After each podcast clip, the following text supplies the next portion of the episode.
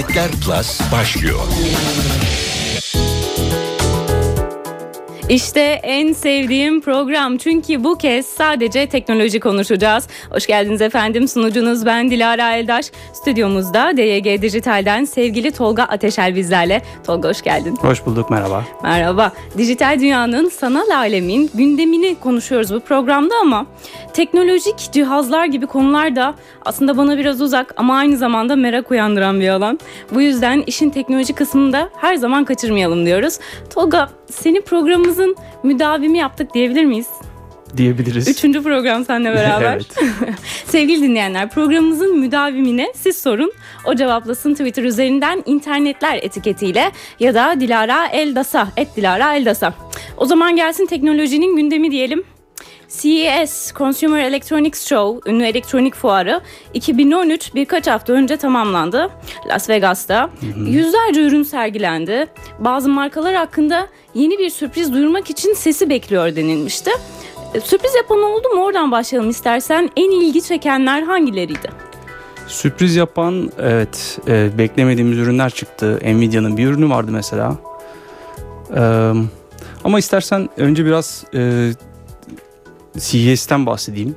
CES her e, yılın ilk haftasında gerçekleşiyor. ikinci haftasında pardon. Bu sene 8-11 Ocak arasında Las Vegas'ta gerçekleşti. Yani 4 günlük bir teknoloji yağmuru gibi bir şey diyebiliriz.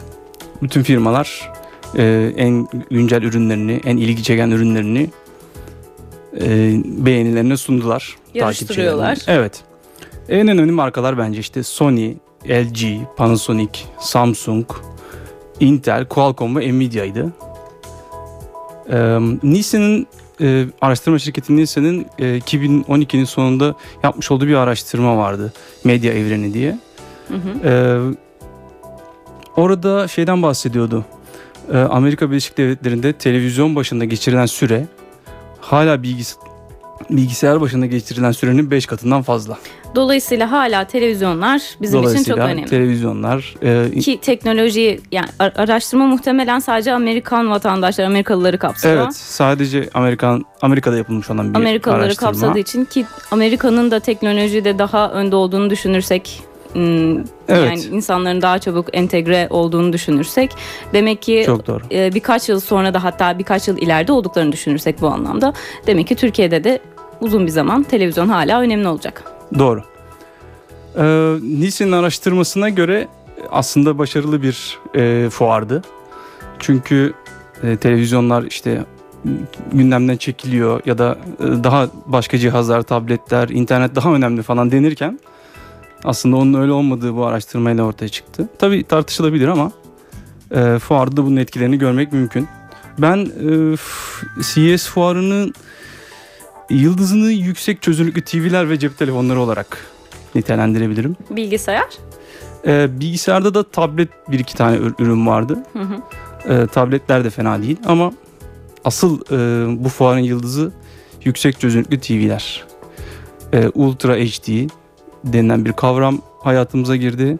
Ki HD televizyonlar bile yeni yeni evlerimize girmeye Evet. başlamışken HD televizyonlar yani televizyon cihazı olarak girmiş olabilir ama yayın olarak girmedikleri için bu ul- ultra ultra HD denilen e, normal HD'nin 4 katı kalitesinde olan bir teknolojiden bahsediliyor. hı hı.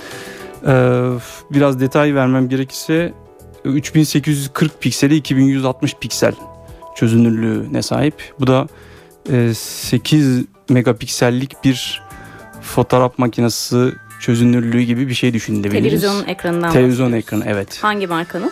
Ee, tamamında bu standart kullanılıyor. 3840'a 2160 çözünürlük. Daha önce 1920'ye 1080 piksellik çözünürlük kullanılıyordu. Full HD dediğimiz çözünürlük bu. Onun Üç katı tam mı tam diyeceğiz? 4 katı Dört oluyor aslında. Ee, yandan da iki katı, aşağıya doğru da iki katı olduğu için. Hı hı. Ee, istersen televizyonlardan ilgi çekenlerden firmalardan başlayayım. Lütfen. Ee, Samsung tabii ki TV sektörünün TV en önemli markalarından bir tanesi. Ultra HD'de de iyi bir çıkış yapması bekleniyordu. Ee, ve bununla birlikte e, S9 diye bir model çıkardılar bu sene. Çok önemli bir cihaz bu. 56 inç, 84 inç ve 110 inçlik versiyonları bulunuyor. Fiyat konusunda bir şey bilmiyoruz ama çok pahalı servetlerinde olacağını tahmin etmek zor değil. Ee, bununla birlikte Samsung e, Türkiye'de yok ama Netflix denen bir e, video kiralama servisi var.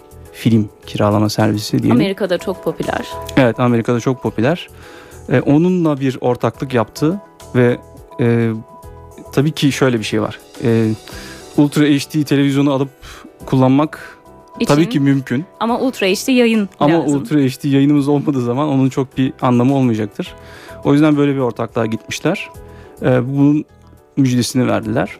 Bu arada Türkiye'de sence ne zaman göreceğiz Ultra HD yayınları? Televizyonlar demek ki gelecek çok yakın zamanda. Bana sorarsanız çok yakın vadede göremeye- göremeyeceğiz. Çünkü bizim biraz daha altyapı ve daha ziyade Netflix gibi servislerimiz olmadığı için o konuda biraz sıkıntı yaşayabiliriz. Birkaç yıl gelebilir. Apple Evet. TV e, Türkiye'de başlayacak mı? Apple TV Türkiye'de başladı. Ee, aslında satışa da başladı. Cihaz olarak da satıldı. Daha önceden insanlar getirip burada kullanabiliyorlardı ama iTunes Türkiye'nin e, açılması, Türkiye'de iTunes'un açılması ile birlikte e, oraya da yavaş yavaş, yavaş content yüklemeye başladılar. Hı hı. İşte e, filmler, müzikler ve benzeri.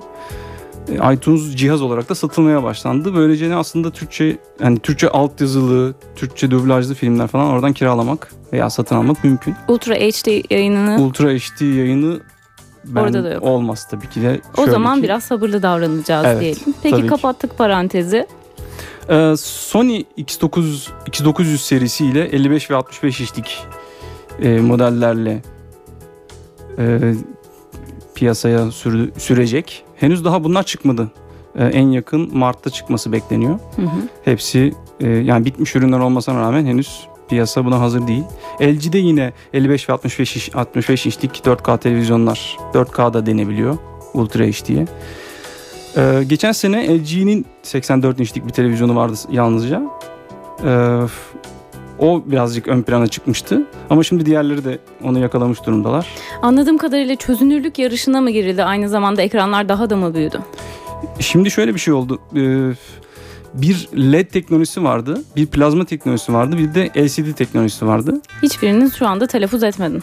Evet hiçbirini telaffuz etmedim. Çünkü artık OLED denilen organik LED adı verilen başka bir teknoloji kullanıyorlar. Ee, hem daha az enerji tüketiyor hem daha e, yüksek çözünürlüklere çıkabilen bir teknoloji.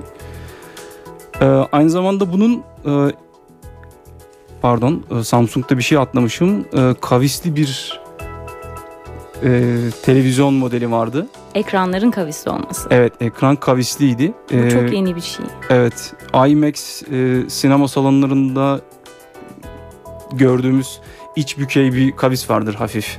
Daha iyi e, görüntü sağlayabilmek için karşıdan izleyen insanlar için. O tarz bir ürün çalışmış Samsung. Peki IMAX de- dediğimiz zaman aklıma benim 3 boyut geliyor direkt. Bunlarda daha iyi mi 3 boyutlu te- izleyebileceğiz yoksa onun başka bir amacı mı var? 3 boyut mu, yani muhtemelen olacaktır ama bu 3 boyutla ilgili olan bir şey değil. Görüş, açısını Hı hı. daha e, çoğaltabilmek, Hı daha fazla keyifli, daha keyifli bir hale getirebilmek için böyle bir şey yani yapmışlar. düz ekranlar artık ilkel mi kalacak? Bilgisayarlı için de aynı şey mi düşünebilir miyiz Hiç fena acaba? olmaz bence çok hoş olabilir. Kesinlikle, kesinlikle.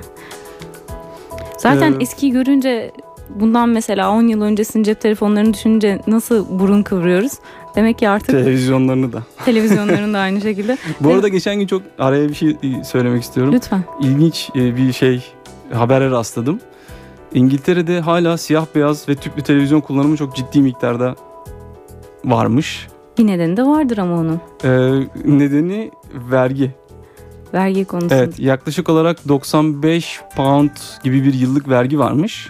Televizyon vergisi. Renkli televizyonlar Renkli için. televizyonlarda. İnsanlar siyah beyaz televizyonları, eski teknoloji televizyonları e, yarı yarıyaymış vergisi. o yüzden onu tercih ediyorlarmış. E, fakat üretiliyor ki demek ki yani satın alırken veriyorsun sonuçta bu vergi. Her zaman verdiğin bir vergi olmasa Yok, gerek. bizim ülkemizde öyle ama İngiltere'de öyle değil. Her, Her yıl zaman. e, devam devam eden bir ödeme şeklinde Hmm. oradaki sistem. Onlar Çok da BBC'ye mi gidiyor bana. acaba? Evet, siyah beyaz televizyon görmeli yıllar oldu. Aslında fena da olmaz belki bilmiyorum. Bilmiyorum ki. Hayal tabii gücümüzü ki- belki daha çok çalıştırabilen bir şey olur. evet. Yine de değil renkte biz 3 boyutlardan bahsediyorduk.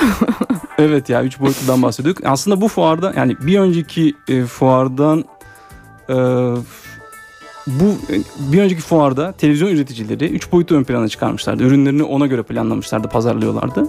Fakat artık e, yani Ultra HD'nin hayatımıza girmesiyle artık 3D çok fazla konuşulmadığı gibi sanki. Çünkü 3D pratikte çok e, uzun süre kullanılabilecek bir durum değil. Gözlükleri tak. Evet. Nereye kadar kocaman kocaman cisimlere, görüntülere bak. Hem o var hem de içerik çok fazla yok. Yani bugün 3 boyutlu film dediğinizde çok fazla bir film yani he- her filmin 3 boyutlusu yapılmıyor bir defa. Öyle bir sıkıntı var.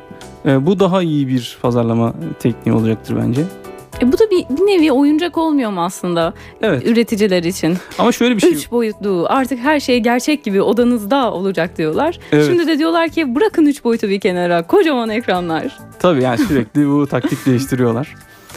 E, bu buradaki bu kararı vermelerinin asıl arka taraftaki şeyi e, nedeni bence ekranların boyut olarak çok büyümesi.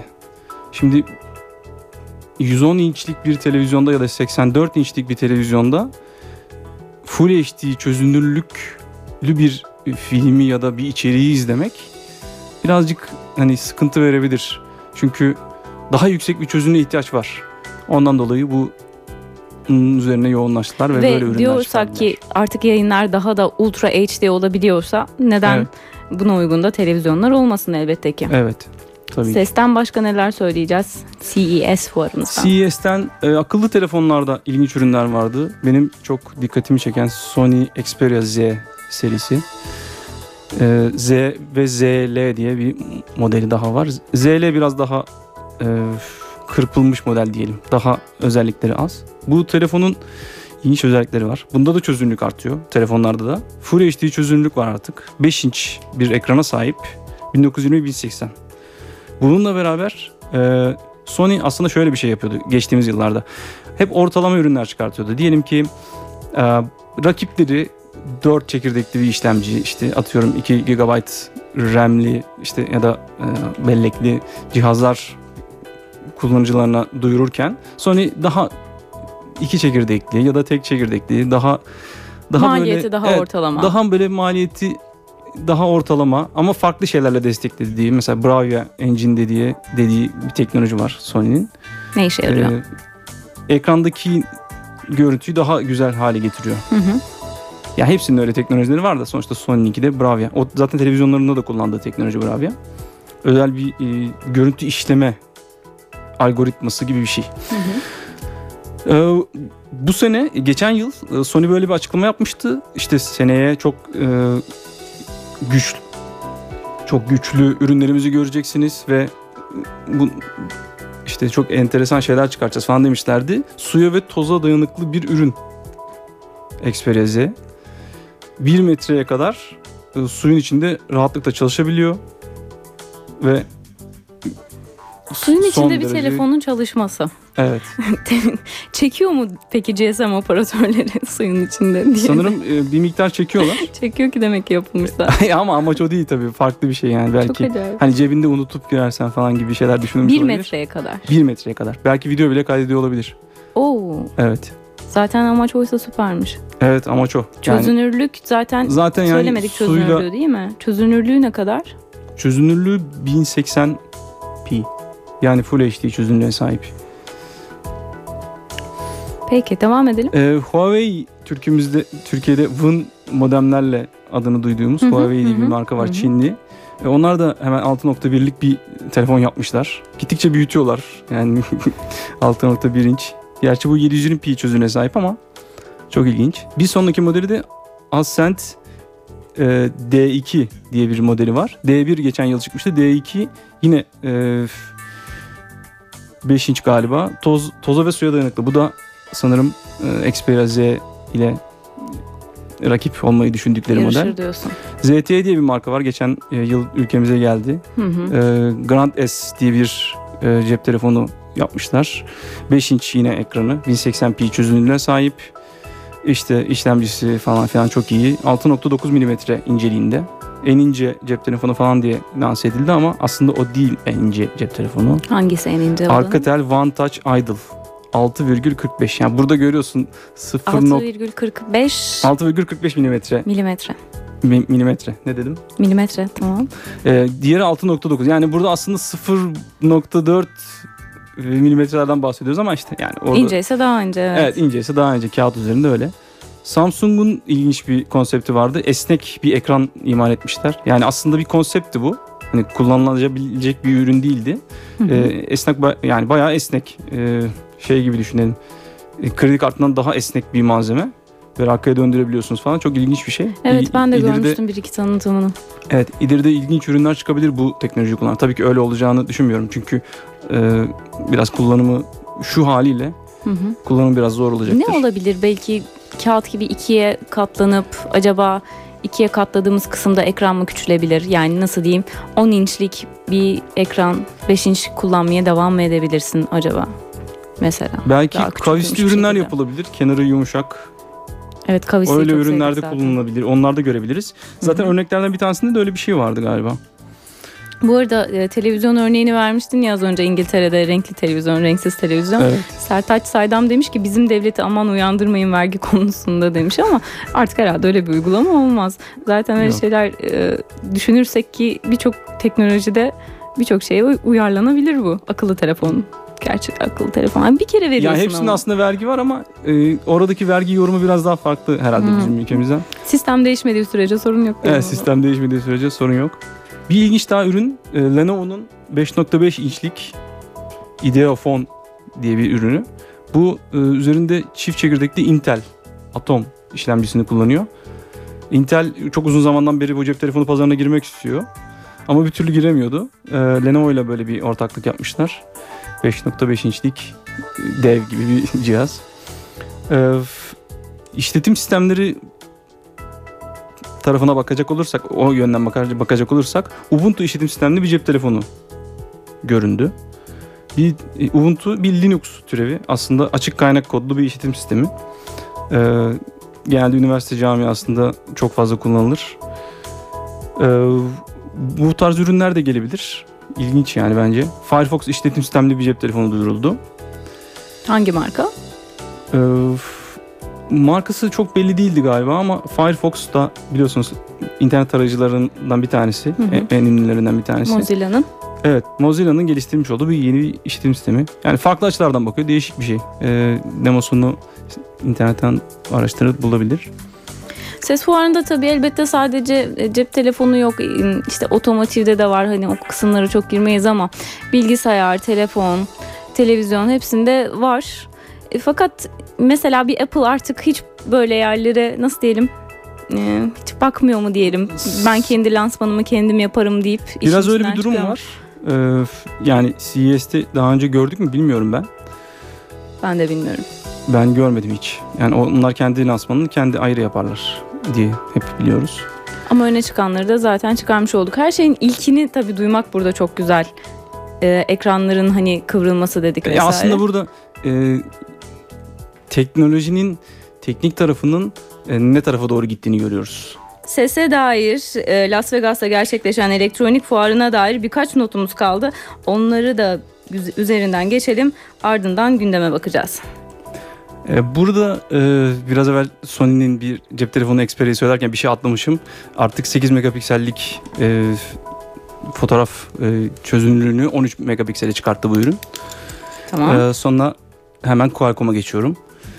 Ee, şimdi bu tarz fuarlar genelde böyle şovlara da sahne oluyor. Güzel, ilginç, insanları eğlendirici, ilginç şeyler olabiliyor. Ee, Qualcomm e, cep telefonlarının işlemcilerini üreten firmalardan bir tanesi.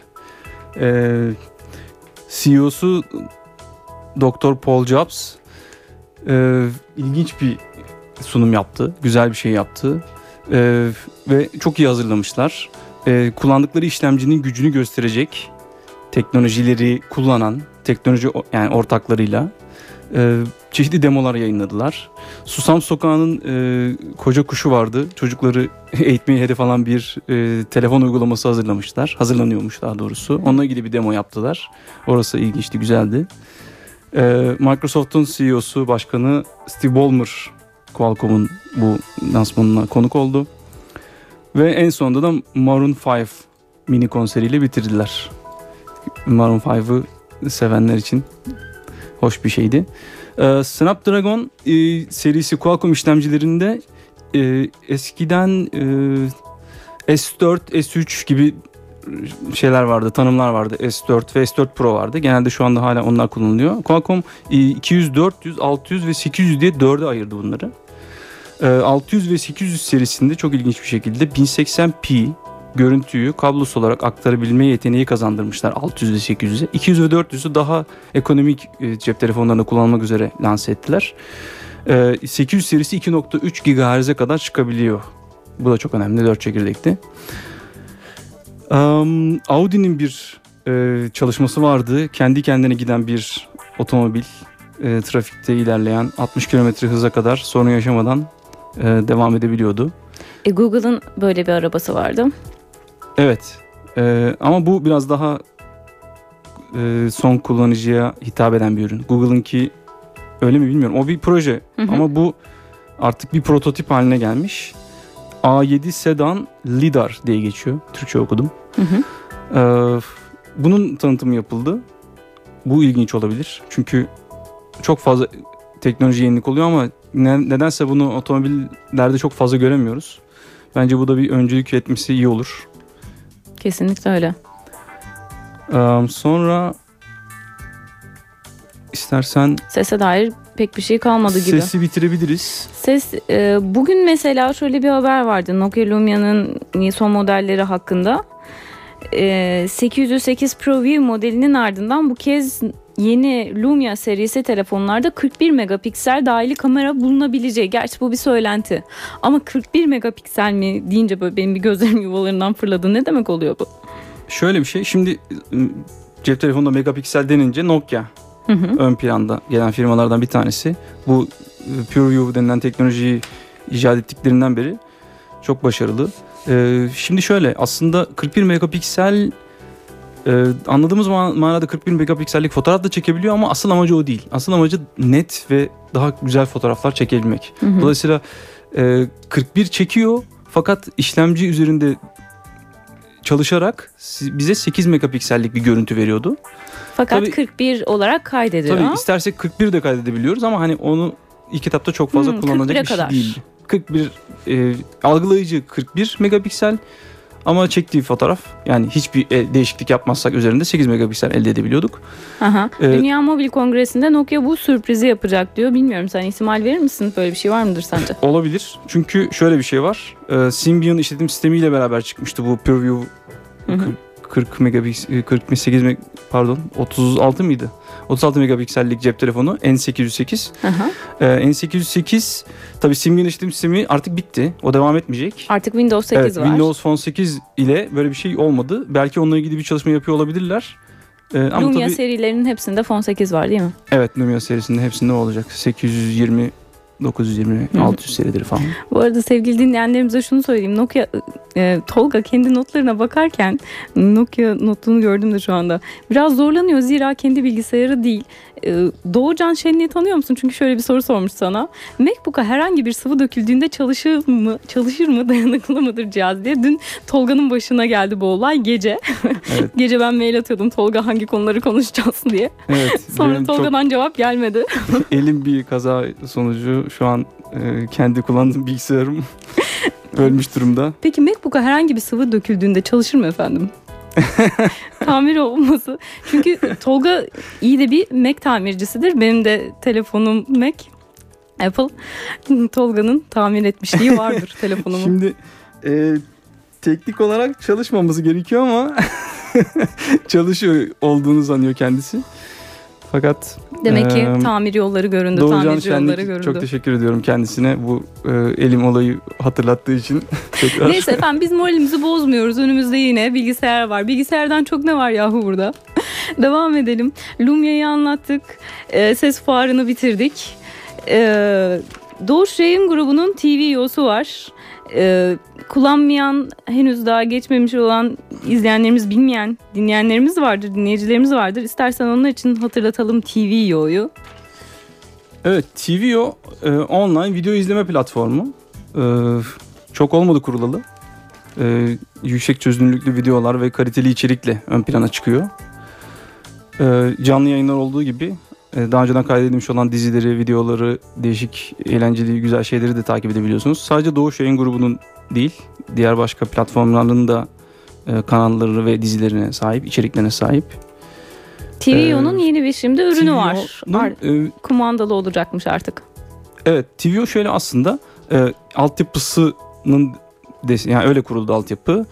E, altyapısında e, en önemli yani bizim e, kuran ekibin ön planda tuttuğu şey TVO'nun bütün platformlarda çalışıyor olması idi. Çalışıyor olması ihtiyacıydı. Çünkü yani tabletlerde cep telefonlarında, evet, tabletlerde. cep telefonlarda, akıllı telefonlarda, tabletlerde çalışmıyordu bazı platformlar. Yani genellikle böyle çalışmaz. Bu anlamda da bir ilk E, bu değil mi? anlamda evet bir ilk diyebiliriz. E, TVO'nun bir iPhone uygulaması da var tabii ki. E, iPhone uygulaması tabii Android uygulaması da var olacak. Smart TV'lere gelecek. Neredeyse bütün platformlarda var olmaya da devam edecek. E, enteresan bir özellik kumanda özelliği var. Şimdi normalde başka cihazlarda da bu özellikler, bu tarz uygulamalar var. E, televizyona bağladığımız video izleme cihazlarının uza- e, uzaktan kumanda yazılımları olabiliyor akıllı telefonlarda çalışan. Ancak onlar o cihazı kumanda ediyorlar. Sadece o cihazla iletişim sağlıyorlar. Bu ise öyle değil. Bu e, web sayfasından e, tvo.com diye yazıp girdiğinizde bir e, eşleştirme yapıyor cep telefonunuzun yazılımıyla. Sonra e, bazı insanlar öyle kullanıyorlar. Cep telefon yani pardon e, bilgisayarını e, televizyonuna bağlayarak yayını izliyor. Evet, Ki öyle yapan öyle çok var. Çevremde duyuyorum arkadaşlarımdan, ailemden de o şekilde izleyenler var. Bu kumandam özelliğini çok sevecekler bence. Çünkü ileri alma, geri alma, durdurma ve benzeri gibi böyle bir sürü özelliği var üzerinde. Cep telefonuma indirdiğim zaman cep telefonu bir kumandaya dö- dönüşüyor. Evet öyle. Ee, kumanda yani o bir aplikasyon. Evet bir Diğer uygulama. aplikasyonlara da gezebiliyor muyum? Şöyle aslında uygulamanın ek özelliği bu kumanda. Hı hı. Aslında kendisi bir e, oynatıcı. E, TVO'nun normal tvo.com web sitesinde ne varsa bu uygulamanın içinde de var. Oradan yine dizileri, e, canlı yayınları izleme şansı var. Çünkü artık Onunla biliyoruz beraber ki böyle bir ek özellik. Evet biliyoruz ki artık televizyon açıkken evlerde e, aynı zamanda ya tablet bilgisayarlar da açık, telefonlar da ellerde. Twitter'dan işte hashtagler takip ediliyor vesaire. Hı hı. Dolayısıyla o anlamda da çok pratik bir uygulama bence. Evet, evet. Zaten televizyonu iz- izliyorsan ve elimde bir tel- telefon zaten varsa kumandanın da olması aynı şekilde kumandaya dönüşebilmesi telefonu Evet. çok mantıklı. Evet, Peki. Takipçilerimize öneriyoruz bir denesinler yani ilginç güzel özellikler. Peki geçiyorum Crytek'e. Evet Crytek e, geçen hafta idi sanırım. E, Crytek tabii bilgisayar oyunu denilince akla ilk gelen firmalardan bir tanesi. E, üç Türk kardeşin kurmuş olduğu bir firma. E, ciddi ses getiren bir altyapıları var. Bir e, engine, bir oyun motoru var. Fizik motoru. Geçen hafta da Türkiye'de bir lansmanı Geçen hafta da vardı. evet Türkiye'de bir lansman vardı. Ben de katıldım. Ee, çok ilginç. İlk defa e, Türkiye'ye bir yatırım yapma için Türkiye'ye gelmişler. Normalde üçü de Giresunlu Türk. 1970'lerde e, Türkiye'den Almanya'ya çalışmak için gitmiş olan bir ailenin üç çocuğu. Crytek'i de Almanya'da kurmuşlar. Creative tabii 1999 yılında kuruluyor firma. Ee, Cevat, Avni ve Faruk kardeşler. Ee, tabii ki o zamana kadar adı duyulmamış olan bir oyun. Ciddi ses getirdiği Crysis'le, önce Far Cry'la, Crysis'le birlikte Sen oynar mıydın? ben oynardım. Far Cry severek oynamıştım yani çok beğenirdim. Türkiye'ye neden ofis açıldı peki? Ee, sanırım şöyle bir şey artık e, Orta Doğu'da da yavaş yavaş e, oyun sektörü yükselmeye başladı belki de onu gördüler. E, ya da farklı bir mecra mecralara atılmak istediler ki o bence ön planda geliyor. Ki sadece Almanya'da da değil İngiltere, Ukrayna, Macaristan, y- Bulgaristan, Çin, Güney Kore'de de var. 7 farklı ülkede ofisi var zaten. Hı hı. Yani onlar stüdyo diyorlar. E, oyun üretiyorlar bu arada. Türkiye'de e, ofisi açmaya geldiklerinde 150 kişilik bir kadro kuracaklarını söylediler. Çok 150 ciddi. Evet. Yani İngiltere'de 130 kişi olduğunu düşünürsek e, Türkiye'ye ciddi bir yatırım. 20 Sence oyun geliştiriciler açısından nasıl durum Türkiye'de? Bence Türkiye'deki oyun sektörü yani şöyle söyleyeyim. Türkiye'deki oyun sektörü aslında hiç yok değil. Var ama Türkiye için üretim yapılmıyor genelde. Türk oyunlarının da olduğunu biliyoruz. İnternet Evet. kafelerinde çılgınca oynanan oyunlar var. Evet. Evet. Aynen yani öyle. her iki taraftan tüketici ve üretici kısmında evet elbette ki bir ilgi var. Evet ama o oyunlar genellikle e, yabancı oyunların Türkçeleştirilmesi şeklinde. Hı hı. Yani çoğunluğu öyle diyelim. E, tabii ki o da çok önemli. Ama Crytek e, yani burada yatırım yapacağını, burada insan kaynağı üreteceğini açık açık belirttiler. 20 milyon euroluk yatırım iyi bir yatırım bence. E, Türkiye'deki gelişim bence gördüler. Çünkü Orta Doğu'da hani bir yükselme var sonuçta. Ben e, kendilerini tebrik ediyorum. Ee, şöyle bir şey de var. Daha önce bültenimde de ben Crytek'in Türkiye'ye geldiğini duyurduğumda dikkatimi çekmişti. Çalışanlarda herhangi bir diploma vesaire öyle bir özellikle sertifika aramayacaklarını söylemişler. Evet, yo, özellikle o soruldu. Ee, basından bir arkadaşımız işte nasıl bir çalışma gü- gerçekleştireceksiniz? Üniversitelerle bir anla- eğitim programı gibi bir şey uygulayacak mısınız? Nasıl olacak falan dedi. Sonra Cevat sanırım Cevat Yerli sanırım cevapladığında şöyle şeyler söyledi. Bizim için insan kaynağı tabii ki üniversitelerle de böyle programlar başlatacağız. Ama bizim için nitelik önemli. Yani lise mezunu da olabilir. E, gerçekten iyi yetişmişse o insanlara da bizim kapımız açık dedi. Ki zaten geliştirici anlamında, yazılımcı anlamında yaş ortalaması da çok düştü değil mi? Evet çok düşük. E, Çünkü artık bu evet. özel ilgi aslında. Yani bu öğren tabii ki öğrenilerek de Yaşam tarzı belki de. evet bir yaşam tarzı. Gerçekten öyle. Oyun gerçekten büyük bir tutku. Peki e, diğer haberle devam edeceğim ama istersen önce soru cevaplayalım biraz da. Olabilir. İlker Ayaz demiş ki Apple'da PlayStation benzeri bir konsol yapacak mı? Böylelikle Far Cry oynamaya devam edebilir Tolga Bey. Hmm. Um, Crytek'in ürünü sanırım Far Cry öyle mi? Evet. Ee, Crytek zaten mobil şöyle aslında bu soruyu biraz deminki konunun üzerinden biraz devam edeyim isterseniz. Tamam. S- Cevat Yerli sanırım şey dedi. Ee, biz Türkiye'de online oyun geliştireceğiz. Ve 5 yıllık e, gelecekte planlarımız arasında mobil platform çok önemli. Tam da onu soracaktım. Yani mobil platform deyince işte Android, Apple, Apple'ın hazır zaten platformlar ve cihazlar da çok güçlü, yeterince iyi.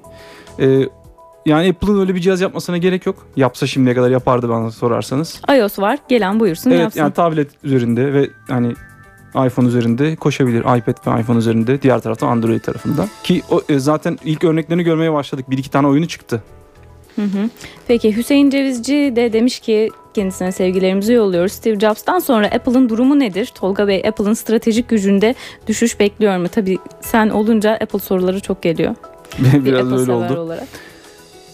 Em, Apple'ın evet şöyle tabii ki çok güçlü bir lider gidince birazcık firmada değişiklikler olur. Ama tabii ne yönde olur? Nasıl olur? 4 inçlik iPhone çıktığında hemen herkes ya evet işte bakın görüyor musunuz falan. Çünkü o boyuta çok takmıştı Steve Jobs. 3,5 inç mutlaka daha fazla olamaz falan gibi şeyler vardı. Hemen Jobs kuralları çiğnenmeye başlandı. Evet olabilir. Ee, zaten geçenlerde enteresan e, dedikodular yayın yayıldı hemen. İşte üretim düşürülüyor mu, düşürülüyor mu, yeterince iyi satış yapamadı mı, ne oluyor falan gibi. Çok öyle söylenti haberleri çıkıyor. Tabii ki oluyor. O biraz da hani kitleyi etkilemek amacıyla belki hani Evet. bilmiyorum. Yani Belki içeriden olabilir. olmasa bile yani bir blokta yazan yazıya göre denilip Tabii çok tabii öyle kaynak çıkıyor. göstererek çok oluyor. çok çok Ben çok değişiklik olacağını zannetmiyorum. evet bu Yani zaten çok takmamak dev lazım. gibi bir firma ve oturmuş basic yani bariz kuralları var. Öyle devam edecektir. Peki efendim son e, dakikamıza girdik. Atari ile kapatalım istersen. Bir Evet. devrin efsane oyun markası. Evet efsane. İflasın eşiğinde. Efsane evet yani Pong'u bilmeyen, Asteroids'i bilmeyen yok gibidir yani benim neslimde. Ben de Atari çok oynadım da hangisi neydi onu hatırlamıyorum. Şöyle söyleyelim. e, yani e- eskinin cep telefonları oyun için yani kullanılan tabletleri neyse Atari eskiden oydu. Hı hı. Çok önemliydi Ee, ve çok büyük satış rakamları elde etti. Ama tabii hani devrini tamamladı. Her şey her şeyin yükselip bir belli bir noktaya çıktıktan sonra belli bir süre sonra 40 ortadan yıllık kalkması 40 gibi. yıllık video oyun şirketiymiş. Evet. Fakat 40 yılda e, 40 yıl sonuçta bu kadar hızlı geçmiyor olabilir son 10 yılımıza baktığımız zaman. Ama yine de belli entegrasyonlardan geçmiş ki 40 yılı tamamlayabilmiş. Şöyle aslında iki kere el değiştiriyor hatırladığım kadarıyla. Ee, ve son iki yılda da Apple platformunda, iOS platformunda ürünleri vardı. Onlar aslında bayağı bir karlılık sağladı. Çünkü bütün oyunlarını koymuşlardı. Yani mobile geçmiş. Evet mobile geçmişlerdi fakat hani oradaki karlılık bile onları kurtarmamış. Ee, iflas rica etmişler. E, bazılarında nostalji olarak bakmak lazım diyelim. Evet. Ekleyeceğin son şey var mı? Ekleyeceğim başka bir şey şu an için yok. Tekrardan seni bekliyoruz programımıza Tolga. Görüşmek üzere. Çok teşekkür ederiz. Ben de. Teknik Masa'da İsmet Tokdemir, ben Dilara Eldaş. Haftaya yine burada olacağız. Sizi de bekleriz. Hoşçakalın. Hoşçakalın.